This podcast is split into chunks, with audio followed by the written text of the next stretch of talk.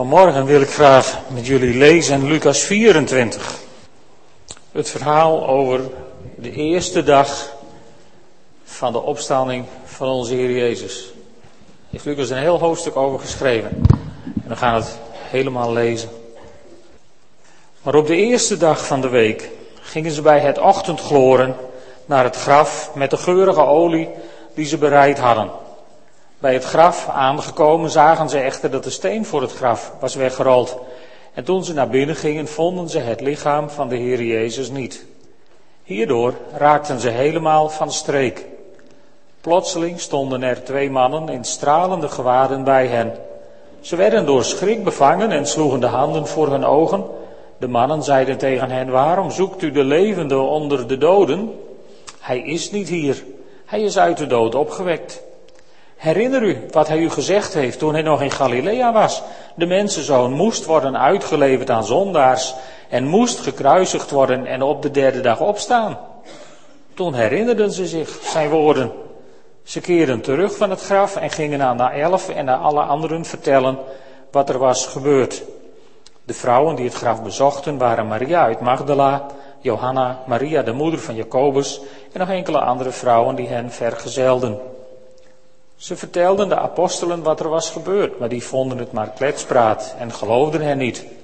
Petrus echter stond op en rende naar het graf, bukte zich om te kijken, maar zag alleen de linnen doeken liggen. Daarop ging hij terug vol verwondering over wat er gebeurd was.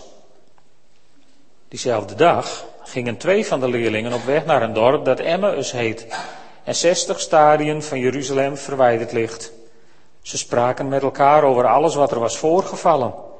Terwijl ze zo met elkaar in gesprek waren, kwam Jezus zelf naar hen toe en liep met hen mee, maar hun blik werd vertroebeld zodat ze hem niet herkenden. Hij vroeg hen, waar loopt u toch over te praten? Daarop bleven ze somber gestemd staan.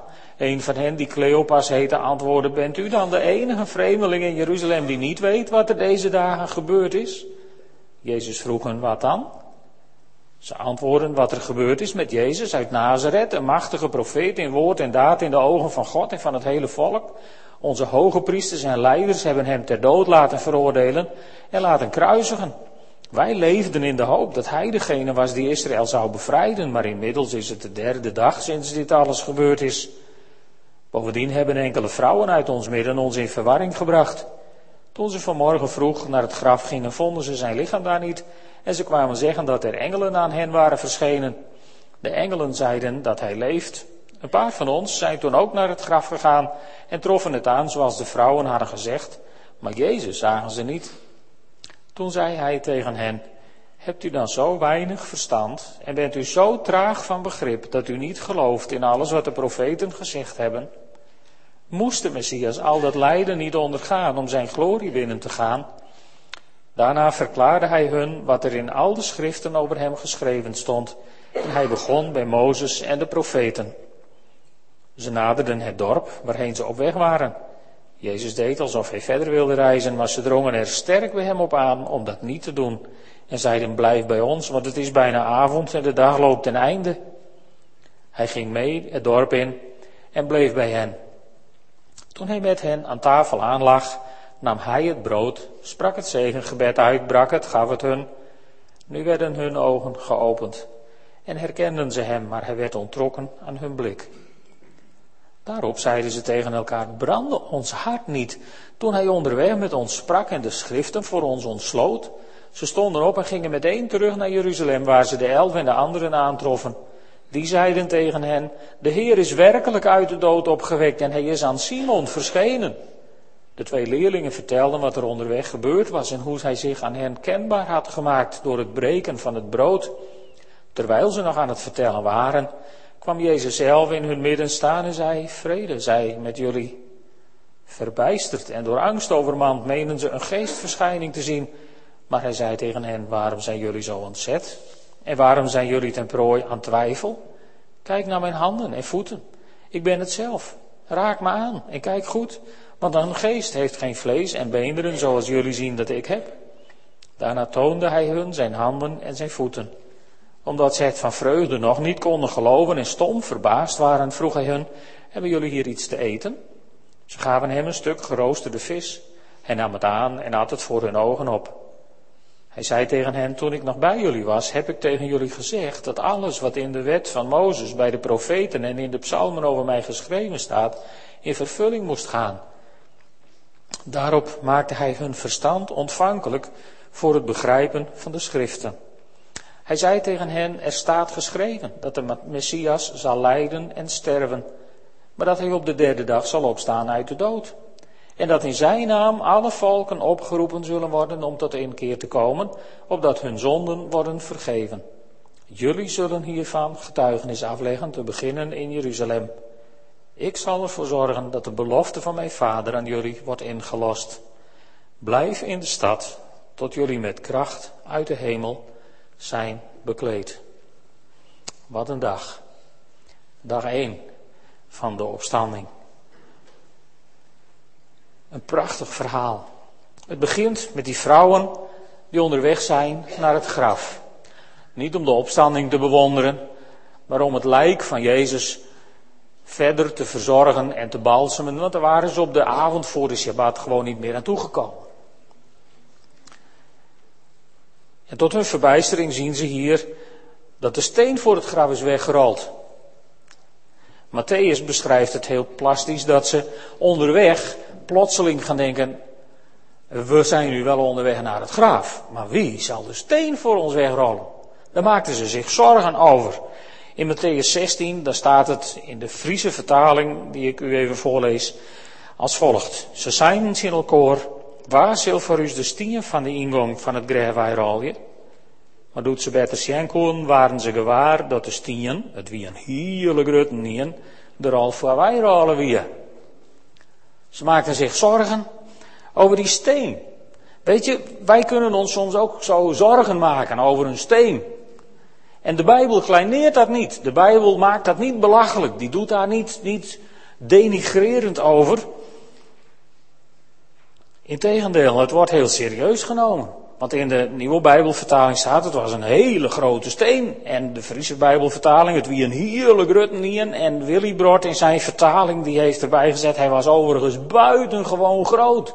Met andere woorden, het was best wel de moeite waard om even over na te denken.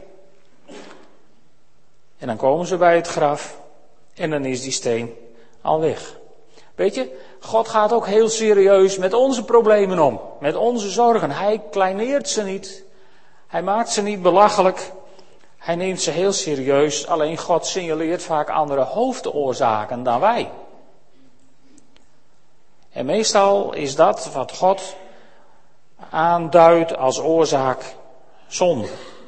Een buitengewoon grote steen.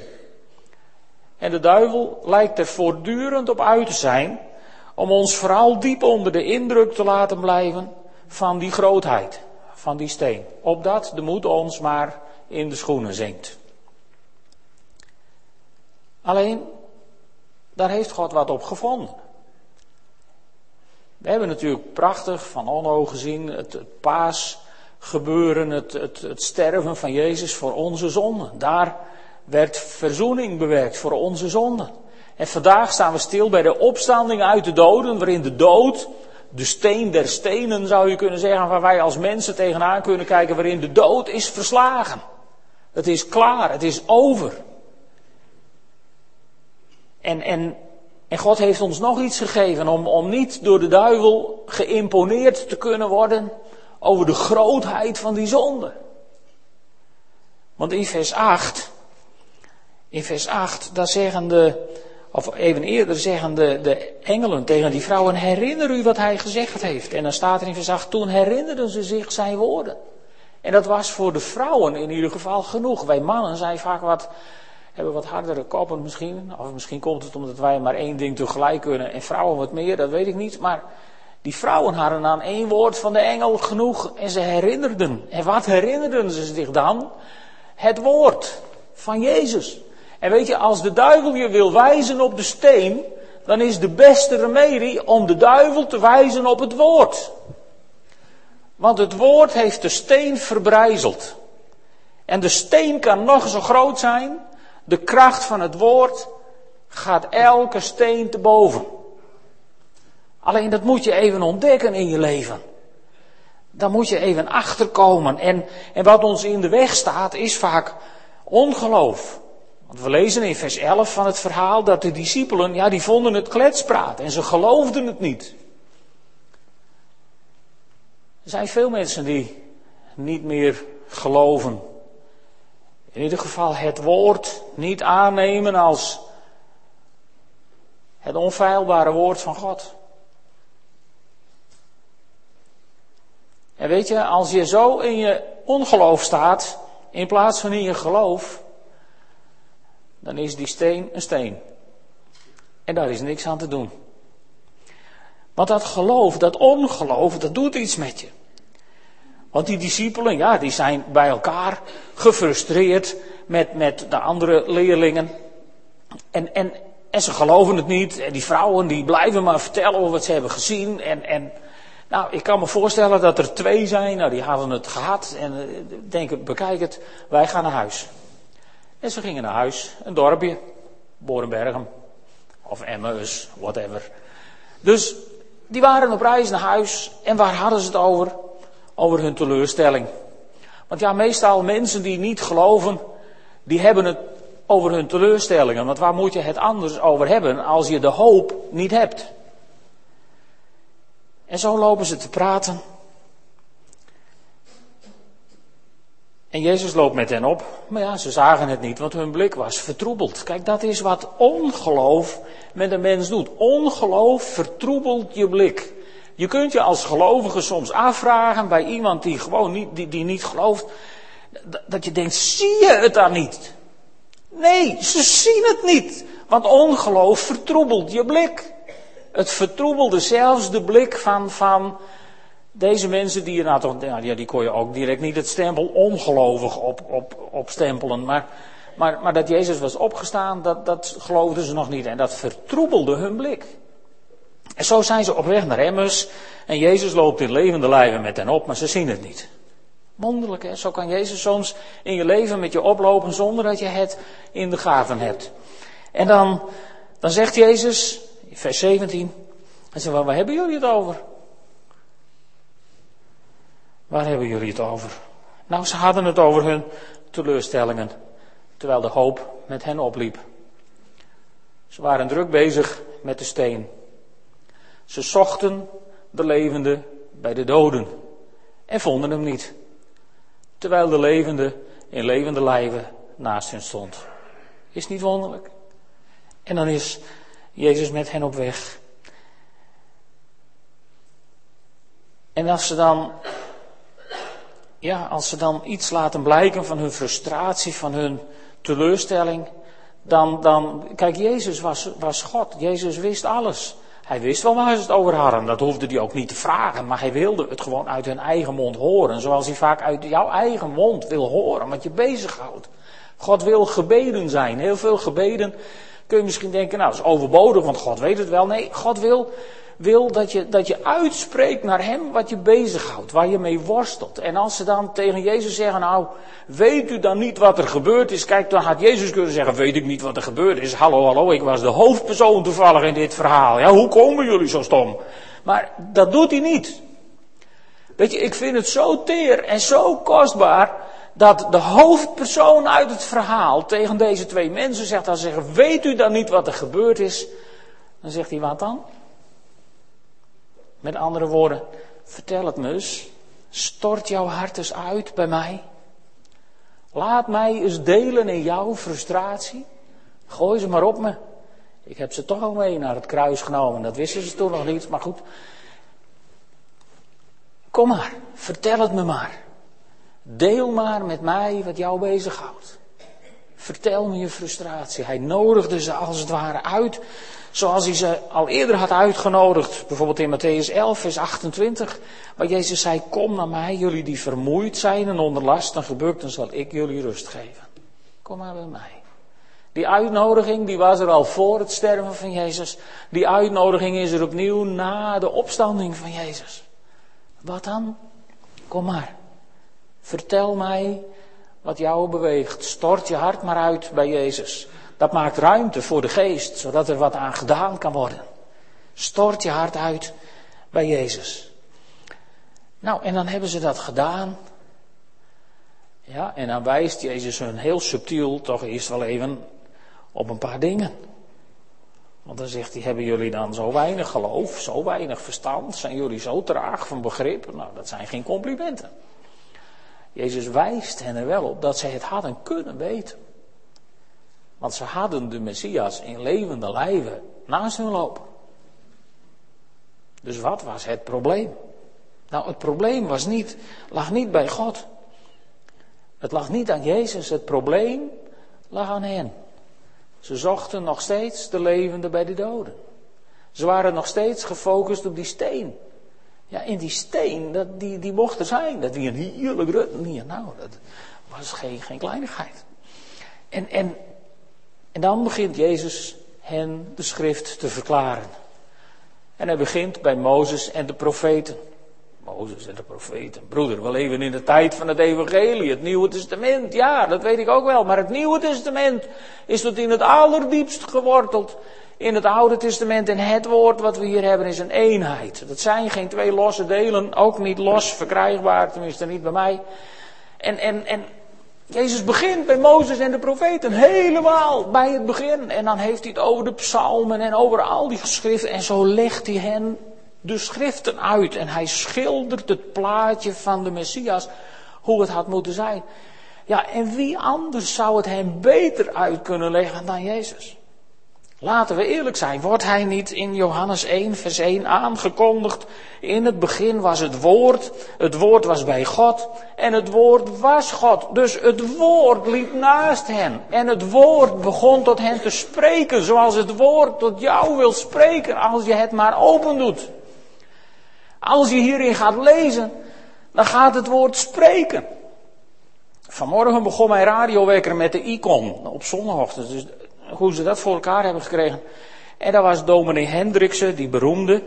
En die zei natuurlijk, bespreekt God niet, want hij bestaat niet. Dat denk ik, prettig Pasen. Aan de andere kant, ik hoop dat God hem vindt, weet je dat? Dat God hem bij zijn hart grijpt. En dat God hem, hem duidelijk maakt. Dat God bestaat en dat Jezus leeft. Want als er nou toch hoop voor de kerk zou zijn, hè, dan moest deze man volgend jaar voor de icon vertellen dat hij Jezus heeft ontmoet en dat Jezus leeft, of niet? Prachtig toch? Wat een tactiek heb ik even bedacht voor God. maar zo zou het moeten. Het woord spreekt. Alleen als je het niet gelooft, dat het woord spreekt, wordt je blik vertroebeld en kun je dit woord lezen als een geweldig stuk literatuur. We zeggen nou prachtige literatuur uit de oudheid. Natuurlijk hartstikke leuke literatuur. Nee, dit is het levende woord van de levende God. En als jij worstelt op deze paasmorgen nog met een steen in je leven. Als jij nog steeds de levende zoekt bij de doden. Dan wil ik je één ding aanraden. Sla dit woord open. Laat het tot je spreken. Zoek de Heer van het woord voordat je begint te lezen. En ga samen met Jezus op zoek bij Mozes, bij de profeten, in de psalmen en in de evangeliën. En vind de levende God, want Hij is waarlijk opgestaan en Hij leeft. Halleluja. Daarvoor zijn we hier vandaag, om dat feest met elkaar te vieren. Nou, en, en, en, en zo legt Jezus hen het woord uit en dan staat er in vers 31, in vers 31, daar staat, nu werden hun ogen geopend. Er staat niet, toen deden ze hun ogen open. Het was geen verdienste van hen. Het was de genade van God. En weet je, dat, je kunt nooit zeggen, nou mijn ogen zijn niet geopend, dus helaas, ik kan het niet weten. Zo werkt het niet. Want God had de hele wereld zo lief dat hij zijn zoon gegeven heeft. Omdat er ieder die in hem gelooft behouden zal worden, toch? Dus, dus als jij wilt, doet God je ogen open. En dan ga je het zien in het woord. Dat heet genade. De grote genade van Pasen is dat God tot mensenharten spreekt en in jouw hart duidelijk wil maken wat er vandaag gevierd wordt. Dat is de clue van deze dagen. Toen we donderdagavond avondmaal hebben gevierd, toen we vrijdagavond stil hebben gestaan bij het sterven van Jezus en nu we vandaag stilstaan bij de opstanding van Jezus, Nu mag je dat vieren. En omdat God je ogen geopend heeft, omdat je die genade van Christus hebt ondergaan toen je tot bekering kwam en de Heilige Geest in je kwam wonen, kun je een stukje begrijpen van wat het betekent. En, en mijn ervaring is dat je elke keer weer met deze dagen, aan de ene kant het feit dat, dat je telkens weer in die bekende Bijbelverhalen terechtkomt waar iedereen al zoveel over heeft gezegd. En aan de andere kant beleef ik elk jaar opnieuw dat, dat je ogen worden geopend en dat je dingen in het verhaal ziet waarvan je denkt, wauw, man. Elke keer als ik op weg ben naar Emmaus, komt Jezus naast me lopen en begint bij Mozes en de profeten en verklaart zijn woord.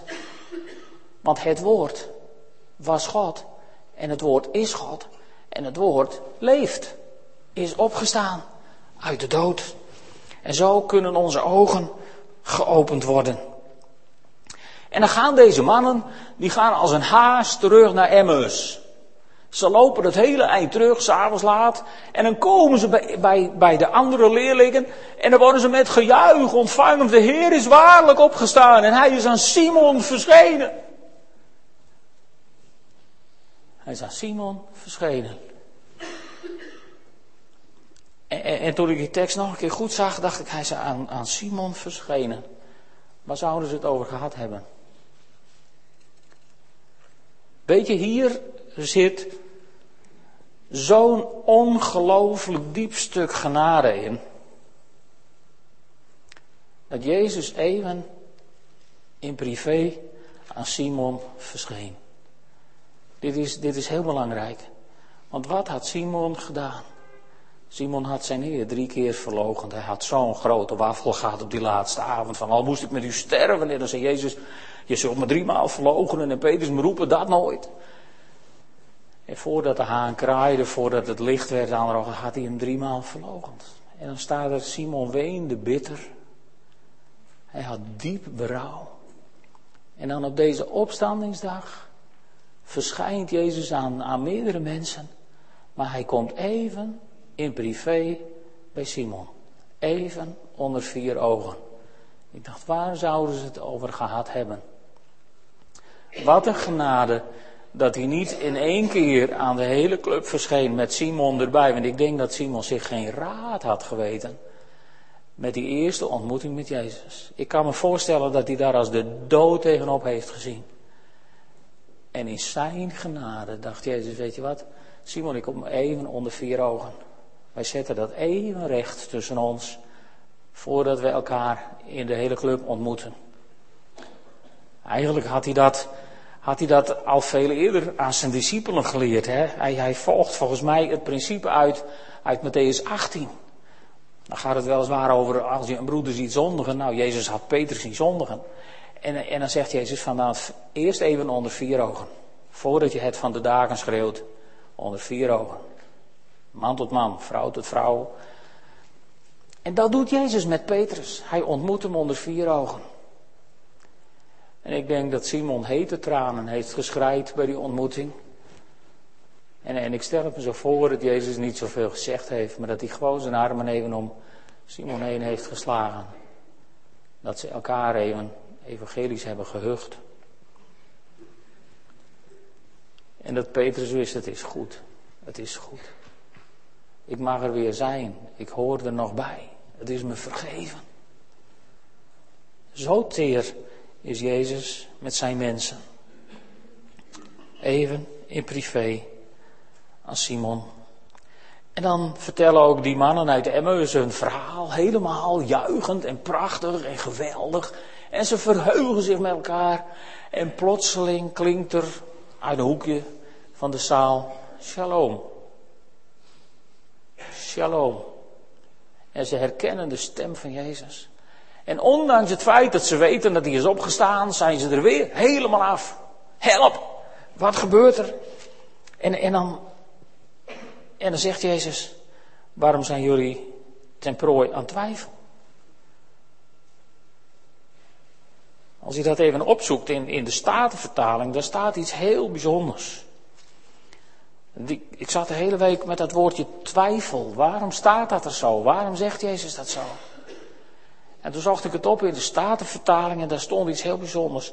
Daar staat, waarom klimmen overleggingen in uw hart? En toen moest ik even denken aan de stukjes die je elke keer in de krant leest over die piraten in Somalië. Die doen dat ook, weet je. Die komen bij je en die klimmen in je boot. En vervolgens word je overmeesterd.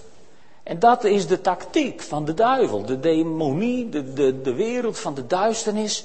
Die benadert je heel subtiel. En klimt in je hart. En komt daar met twijfel. Zo staat het in de Statenvertaling. Zo mooi. Waarom klimmen overleggingen in uw hart?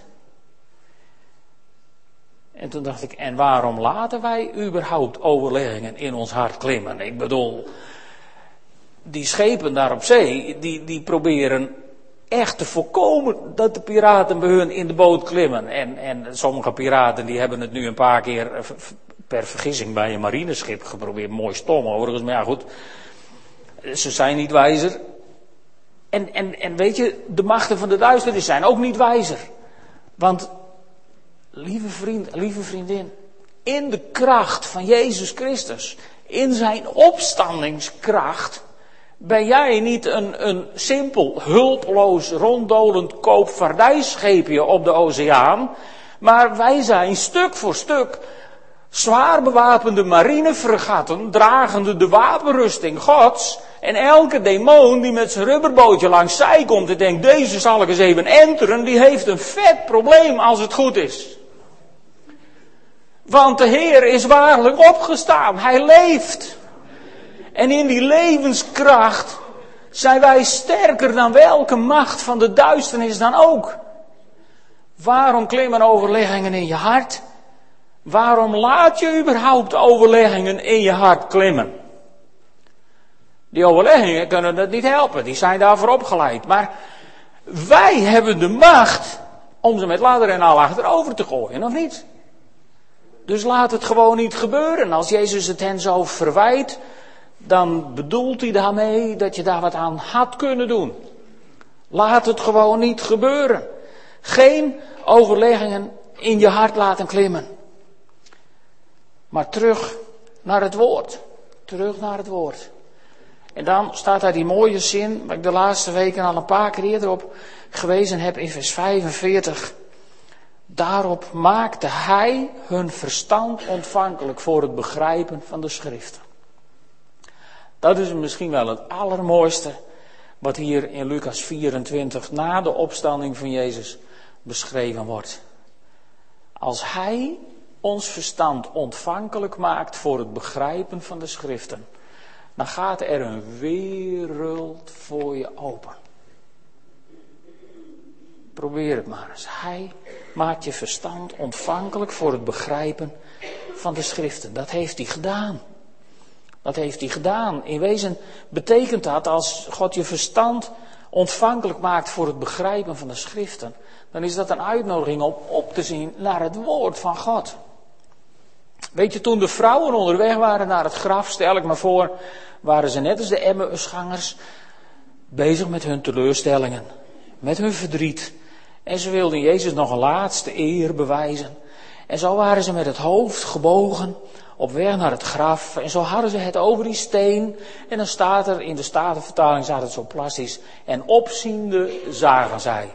Zolang je naar de grond ziet, valt het je nooit op dat de steen al lang weg is. Dan blijf je de levende zoeken bij de doden. Maar als je opziet, dan zie je dat de steen is weggerold van het graf. En als je opziet, dan zie je dat het kruis leeg is, dat Jezus daar niet meer hangt. Hij is niet daar, hij is niet in het graf, hij is opgestaan, opgevaren ten hemel, zittende ter rechterhand Gods, van waar hij komen zal om te oordelen de levenden en de doden. Mooi hè? En als je dat gaat begrijpen, dat heet genade. Als God je verstand open doet, zodat je dat gaat snappen, zodat dat in je hart gaat landen. Dat is geen verdienste. Lieve schatten, dat is geen verdienste. Daar kun je nog zo hard voor werken. En je kunt nog zo lang theologie studeren. Dominee Hendricks heeft ook theologie gestudeerd. En dan schrijft hij een boek dat God niet bestaat. Dus dat helpt je allemaal niks. Als, als, als, als God je verstand niet opent voor het begrijpen van de schriften. Dan is het abracadabra wat hier staat. Hooguit leuke oude literatuur. Maar het is het woord des levens. Het is de opgestane Heer Jezus die je op elke bladzijde van dit boek weer mag ontmoeten. Omdat Hij je verstand wil openen voor de schriften. En dan zegt Jezus in vers 46, in vers 46, daar staat hij, hij zei tegen hen, er staat geschreven. Er staat geschreven. En, en je moet dus in, vooral in Matthäus gaan lezen hoe vaak Jezus voor zijn dood al niet had gezegd, er staat geschreven. Jezus vertelde geen fabeltjes, hij zoog geen dingen uit zijn duim. Jezus had het elke keer weer over er staat geschreven. En als hij er dan een nieuw verhaal, actueel verhaal aan toevoegde in de vorm van een gelijkenis, dan ging dat altijd over de waarheid die geschreven stond. Elke keer weer, er staat geschreven. Alsof de engel tegen je roept, herinner je toch die woorden. Herinner ze je toch. Maar je kunt ze alleen maar herinneren als je je eerst ingestopt hebt. Want anders valt er niks te herinneren. Dus stop jezelf vol met het woord van God. Dat is misschien wel de kern van de boodschap op deze paasmorgen. De Heer is waarlijk opgestaan en hij leeft. En hij daagt je uit, stop je vol met het woord van God omdat de geest daaruit kan putten. En je je voortdurend zult herinneren, er staat geschreven.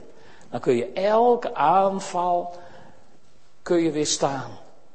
Dan kan elke overlegging die probeert om in je hart te klimmen, die kan weer naar beneden gegooid worden. Want er staat geschreven. En dan zegt Jezus in vers 47, dan gaat hij erover hebben dat alle volken opgeroepen gaan worden om tot inkeer te komen. Dat is voor ons misschien wel het beste deel uit dit verhaal. Want nu gaat het ineens over ons. Wij horen daarbij. Alle volken, dat zijn wij ook. Opgeroepen om tot inkeer te komen. En, en, en dan zegt Jezus. Dat vind ik altijd zo mooi. Alle volken worden opgeroepen om tot inkeer te komen. En dan opent Jezus geen sollicitatieprocedure. Dan zet hij ook niet een advertentie voor vrijwilligers gezocht. Dan wijst hij naar zijn discipelen en naar de leerlingen en dan zegt hij, en jullie zijn mijn getuigen. Hartelijk gefeliciteerd, niet gesolliciteerd, wel aangesteld.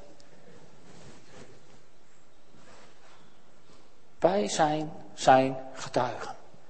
En als er in jouw omgeving volken zijn of mensen zijn die nog niet tot één keer zijn gekomen omdat hun verstand niet geopend is voor het begrijpen van de schriften, dan ben jij misschien wel degene die hen iets mag laten zien van de Heer Jezus in jou. Ik raad je niet aan om de mensen suf te preken, want dat hebben generaties voor ons al gedaan. Maar, maar laat ze zien Christus in jou. De opgestane Heer die leeft in je binnenste. Laat het ze zien. Laat de mensen proeven van die overwinningskracht van Jezus Christus. Laat de mensen om je heen de oren spitsen. En plotseling denken, daar juicht een toon. Daar klinkt een stem. Misschien wel jouw stem. Die mensen voor het eerst iets mag vertellen over Jezus Christus. En weet je, misschien ben je dan bang ergens voor. Misschien denk je, oh help, wat zullen ze er wel van zeggen? Nou ja, wat maakt dat uit joh? Weet je, in, in de tijd van de eerste gemeentes en, en in sommige landen op de wereld vandaag kan het je je leven kosten als je je mond open doet over Jezus Christus. Maar, maar we hebben ook gezongen in dat eerste lied. Er juichte niet alleen een toon, we hebben ook gezongen, nu jaagt de dood geen angst meer aan. Dus wat kan ons overkomen? Ik bedoel, de steen der stenen jaagt geen angst meer aan. Dus wat voor overlegging zal er nog in ons hart klimmen? Dat is volstrekt zinloos om nog in ons hart te klimmen. Want de dood zelfs jaagt geen angst meer aan. Want alles, alles is voldaan. Dat is de morgen van Pasen. Vandaag. En waarom is alles verdaan? Ik zal het jullie vertellen. Ik, ik, ik zou daaraan koppelen vanmorgen van er is een grens verlegd. Maar dat is niet genoeg. Er is een grens opgeheven. Het is geen Europese Unie, meer een Christenunie. Waar God de grens heeft opgeheven tussen hem en ons. Weet je nog van, van vrijdag het voorhangsel scheuren van boven naar beneden. En daardoor kun je vrij in en uitwandelen bij God, want één persoon is ons voorgegaan. Tot slot Hebreeën 9, vers 11 en 12. Christus daarentegen. De opgestane Heer, hè? Christus daarentegen is aangetreden als hoge priester van al het goede dat ons is toebedacht. Dat niet mooi? Er is ons goed toebedacht. Door God, door de Vader in de hemel. En Christus is aangetreden als hoge priester van al het goede dat ons is toegebracht. Hij is door een indrukwekkender en volmaakter tent, die niet door mensenhanden gemaakt is en niet behoort tot onze schepping, dus in de hemel is, daar is hij voor eens en voor altijd het hemelse heiligdom binnengaan. Voor eens en voor altijd. Wat je nooit weer vergeten. En dat niet met het bloed van bokken en jonge stieren, maar met zijn eigen bloed. Children, watch the lamb. Dat was hem. Met zijn eigen bloed. En zo heeft hij een eeuwige verlossing verworven. Is dat niet goed? En dan eindigt Jezus op die dag tegen zijn discipelen met de belofte. Met de belofte van de Vader. En hij zegt tegen zijn discipelen dat ze in de stad moeten blijven tot ze bekleed zijn met kracht uit de hemel. Toen Jezus opstond, kwam er een opstandingskracht naar deze wereld. Een opstandingskracht waar we ook volgende week bij bepaald zullen worden. En als we, als we mensen gaan dopen, vier mensen gaan we dopen. En, en, en dan word je met Jezus begraven. Om ook met Hem in zijn opstandingskracht weer op te staan. Is dat niet geweldig? Is dat niet ongelooflijk bijzonder? Dat mogen we volgende week als aansluiting op Pasen beleven. Zo mooi gepland door de Heer. Weet je, wij kunnen onze blik richten op de steen, die sowieso te zwaar voor ons is. We kunnen onze blik ook richten op God en op wat Hij doet. En als we dat doen, dan zullen we ontdekken dat Hij aan een oplossing werkte, terwijl wij nog aan de steen dachten. Wat een God is Hij. En Hij is niet dood. Hij is ook niet een God die niet bestaat. Hij is de schepper van hemel en aarde. Die stierf voor u en voor mij. En die opstond uit het graf. De Heer is waarlijk opgestaan. Amen. Zullen we een moment opstaan, samen bidden. Vader in de hemel, dank u wel dat u de dood hebt overwonnen. Dank u wel, Heer, dat, dat u het lam bent, het lam wat zit op de troon. Dank u wel. Dat we zo vanmorgen Pasen mogen vieren in die wetenschap dat u de dood zelfs hebt overwonnen. De steen der stenen in een mensenleven hebt u verslagen. Heere God, ik prijs uw naam daarvoor. Heer, u bent geweldig. Amen.